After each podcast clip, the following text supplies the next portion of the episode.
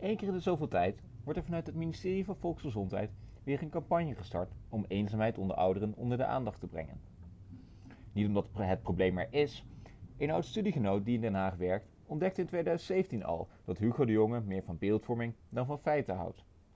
Bejaarden toepen de hele dag en babbelen tegen de jeugdige verpleegster over Den Uil en Schmelzer en Drees, terwijl diegene die hen doucht nog geen stap in het stemhokje mag zetten.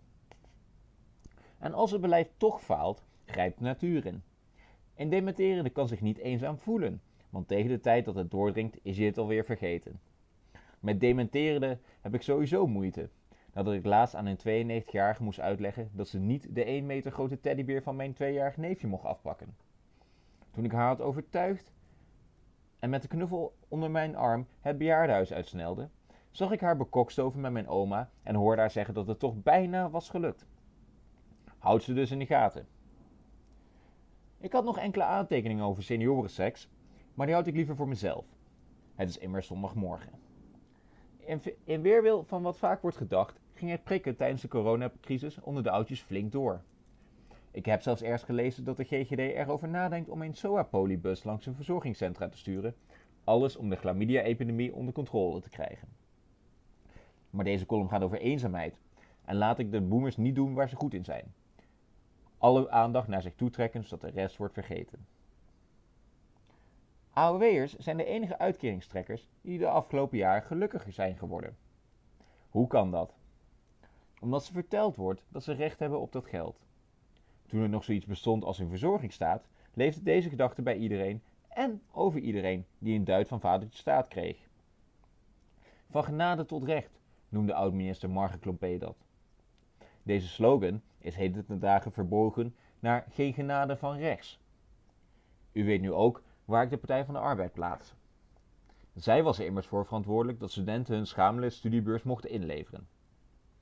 Maar laten we daar ook weer niet te hard om treuren. Van 260 euro in de maand kan je een matras in een garagebox in de kelder van Kraaiennest huren, die je ook nog moet delen met Robert Vuistje. Studenten dus. Eenzaamheid onder die groep grijpt om zich heen. De toestroom bij de studentenpsycholoog is tegenwoordig zo groot dat die psycholoog zelf met een burn-out thuis zit. Wat ook niet helpt in het bestrijden van deze pessimisme-pandemie, is dat alle afgestudeerden kwijlend vertellen dat je studententijd de mooiste tijd van je leven is. Vooral de eerste lichting van de Rode Zevende Faculteit aan de Universiteit van Amsterdam heeft daar de mond van vol. Dat is ook logisch, want bij de start van hun studieprogramma besloeg dat nog 11 jaar. Met een beetje uitloop erbij ging je linea recta van de collegebankjes naar het crematorium. Toch was vroeger alles beter. Toen kon je nog zes jaar doen over de introductiecursus statistiek, nam de hoogleraar thuis onder het genot van een bol in mondeling tentamen af en waren er kroegcolleges.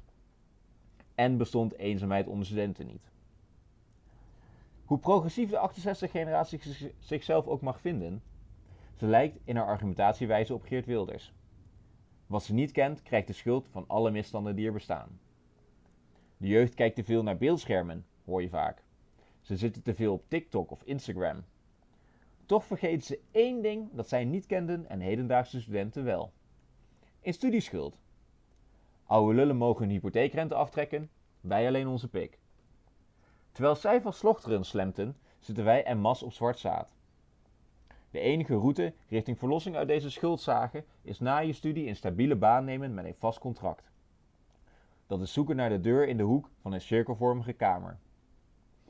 En de CV-collaborateur, die in plaats van zijn klomp tussen de raderen van de machine te steken 16 onbetaalde stages gaat doen op plekken waar voorheen loon werd uitgekeerd, rent als een hamster rondjes in het rad en zorgt ervoor dat alles om zich heen draait, maar heeft niet door dat hij zelf stilstaat.